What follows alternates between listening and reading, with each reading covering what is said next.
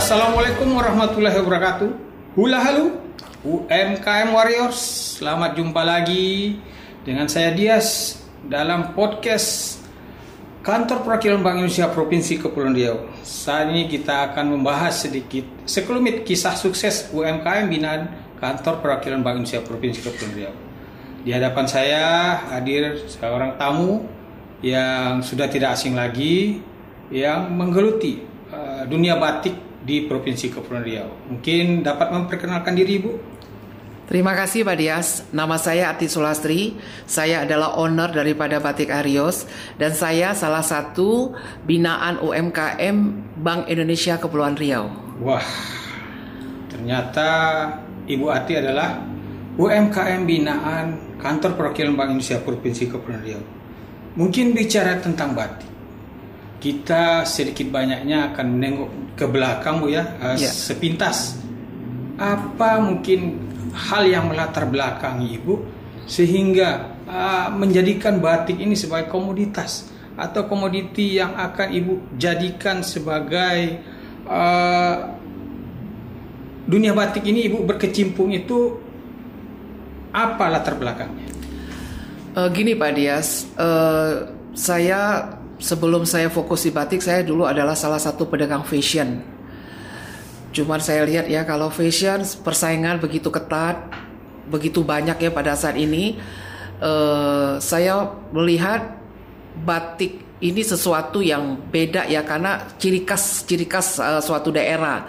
Jadi saya fokus di batik Kepri ini karena saya lihat masih sedikit uh, orang yang pengusaha-pengusaha yang mengembangkan uh, khususnya batik Kepri. Jadi saya fokus untuk mengembangkan batik Kepri, Pak Dias. Nah, bicara dengan corak khas, tentunya ada corak batik yang menjadi andalan Ibu dalam uh, pemasaran batik di Provinsi Kepulauan Riau ini. Batik corak apakah yang mungkin menjadi andalan Ibu dalam uh, uh, hal ini?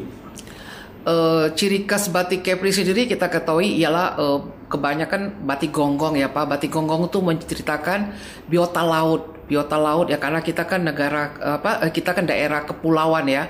Uh, jadi banyak dikelilingi oleh uh, apa uh, uh, apa binatang-binatang laut seperti itu Pak Dias dan kita juga tidak hanya biota laut kita juga mengembangkan batik uh, apa Kasana budaya Melayu seperti kita udah membuat batik Tajuk Putri kita juga sekarang lagi fokus untuk mengembangkan batik siri besar yang mana batik siri besar ini adalah suatu apa uh, simbol simbol uh, apa simbol alat kebesaran seperti tombak itu pada zaman apa pada zaman pemerintahan pada saat itu Pak Dias. Jadi di samping biota laut juga ada uh, apa namanya uh, batik, corak khas ya, batik yang kasana. ada di provinsi Kepulauan Riau ini Bu Ati. Oh, baik Bu Ati, uh, mungkin uh, ketika bicara batik ini tentu orang tidak jauh daripada corak-corak yang Ibu tampilkan tersebut dan tentu akan menarik. Ya. Uh, kalau bicara tentang batik ini uh, seiring dengan uh, pemasaran atau uh, batik yang telah Ibu pasarkan ini tentu menarik minat para uh, pemakainya dan dalam hal ini kita setelah dipakai tentu ada apresiasi mm-hmm. apresiasi itu dapat tentu dari prestasi yang telah ibu uh, telurkan dalam mm. hal ini mungkin uh, sedikit prestasi ibu yang telah uh, ibu capai dalam hal dunia perbatikan ini bisa di share kepada rekan-rekan dari UMKM Warriors yang lagi menonton ini Uh, untuk batik Aryo sendiri Pak, kita setelah mengikuti beberapa uh, event nasional seperti Karya Kreatif Indonesia, ini tahun ketiga kita mengikuti bulan September nanti kita mengikuti Karya Kreatif Indonesia untuk ketiga kalinya buat batik Arios. Kita juga ulah mengikuti Siar Festival. Uh, baru-baru ini juga kita ada acara Gerakan Melayu Pesisir dan untuk batik kita sendiri Pak Dias kita udah sering mengikuti pameran di Malaysia, di Singapura dan mancanegara. mancanegara juga batik kita sudah ada di beberapa KBRI seperti KBRI Tokyo, London, Jepang, Beijing. Dan produk batik Ares juga udah sampai UNESCO Pak Dias. Aduh, uh, uh. So, batik terus, Kepri ya, internasional. Dan sekarang batik Ares juga sudah ada di Gedung Semesco Jakarta Pak Dias. Wah, suatu pencapaian yang luar biasa Bu Ati. uh, dari uh, perkembangan batik yang mungkin Ibu rintis dari tahun berapa Bu ya? Saya merintis batik Kepri ini Pak sudah empat tahun ya Pak, masih baru ya sebetulnya. Nah. Tapi fokus di batik Kepri ini baru empat tahun Pak. Fokus di batik empat tahun, tapi ya. batiknya sudah sampai ke mancanegara. Amin. Nah baik Bu, uh, ketika uh, pencapaian Ibu telah mencapai mungkin dalam artian ini sih belum maksimal ya, tapi ya.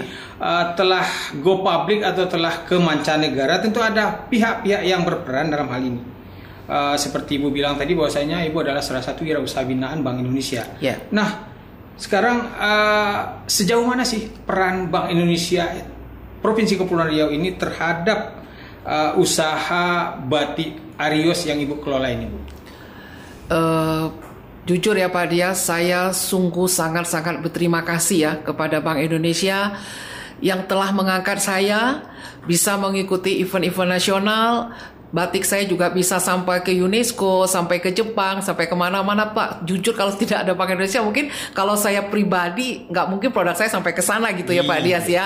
Tapi ya uh, memang kita di Bank Indonesia Pak, jujur ya kita juga bukan mengikuti UOKM seperti biasa. Kita juga ada banyak kita dapat pembelajaran ya Pak ya. Pembelajaran dalam arti kita juga dikurasi Pak supaya produk kita juga bisa naik kelas supaya bisa diterima di dunia Jadi internasional. ada pembinaan, ya? ada pembinaan. Juga kita untuk promosi juga kita dibantu. Juga untuk pelaporan keuangan juga kita dibantu Pak. Dan kita banyak belajar dan banyak ilmu ya yang saya dapat setelah saya jadi binaan Bank Indonesia Kepulauan Riau Pak Dias. Nah, bicara Bank Indonesia, bicara tentang UMKM, itu tidak jauh dari transaksi. Ya, betul. Dan uh, kita tahu sekarang wabah pandemi ini sudah mendunia. Covid-19 sudah ada di mana-mana, sudah mewabah baik itu di luar negeri maupun di Indonesia sendiri. Nah, uh, Bank Indonesia kan sudah merancang suatu sistem yang namanya QRIS ya. atau KRIS ya. dalam hal uh, pembayaran. Apakah uh, dalam hal ini Ibu sudah menerapkan sistem ini untuk transaksi Ibu yang Ibu lakukan selama ini? Uh, untuk kris kita sudah pakai Pak. Kalau saya kris saya waktu tahun 2018 saya udah mendapat kris waktu saya ikutin KKI pertama. Yeah. Saya udah menggunakan kris Pak untuk itu. Jadi kalau sekarang memang saya sudah menggunakan kris karena keuntungan bagi saya pakai kris Pak lebih safety kalau kita pembayar saya tunai kan kadang-kadang kita ada uang palsu ya pak yeah. kita nggak sempat kadang-kadang karyawan saya yang jaga yeah. kita nggak tahu misalnya uang lima puluh ribu kita nggak tahu yang palsu apa gimana kita kan nggak pernah lihat satu-satu ya pak Dan tapi kesulitan pengembalian ya, juga ya tidak ada pengembalian yeah. uangnya cash kita nggak repot-repot nyari apa uh, uang kembalian jadi sangat terbantu kan kita dengan adanya kris ini pak Dias Alhamdulillah. Ya berarti dalam hal ini program-program kita bisa sejalan ya. Bank Indonesia uh, membantu wirausaha binaan Bank Indonesia sendiri dan uh, Ibu juga bisa melakukan transaksi pembayaran dengan menggunakan aplikasi yang telah disediakan oleh Bank Indonesia. Uh, terakhir Bu, uh, mungkin uh, pertemuan yang singkat ini memberikan manfaat bagi para UMKM warriors yang ada di seluruh Indonesia. Mungkin apa harapan Ibu terhadap uh, usaha yang Ibu kelola pada saat ini dan juga uh, harapan uh, dan saran-saran Ibu terhadap anak-anak muda yang sedang uh, pada tahap generasi milenial ini uh, terhadap dunia batik ini apa harapan Ibu? Harapan saya Pak, supaya batik semakin dikenal dengan anak-anak muda ya. Kita juga telah menyediakan motif-motif batik yang untuk uh, warna, corak warna, motif yang disenangin anak-anak muda supaya anak-anak muda uh, mau mencintai batik Pak karena batik merupakan salah satu budaya uh, apa budaya kita Pak. Terima kasih Bu Ati, senang sekali bisa bertemu dengan Bu Ati. Semoga sukses usaha batik Ariosnya yeah. dan kita bisa berjumpa di lain kesempatan dan semoga ini mencerahkan dan dapat memberikan manfaat bagi para UMKM Warriors di seluruh Indonesia. Jayalah UMKM, jayalah Bank Indonesia.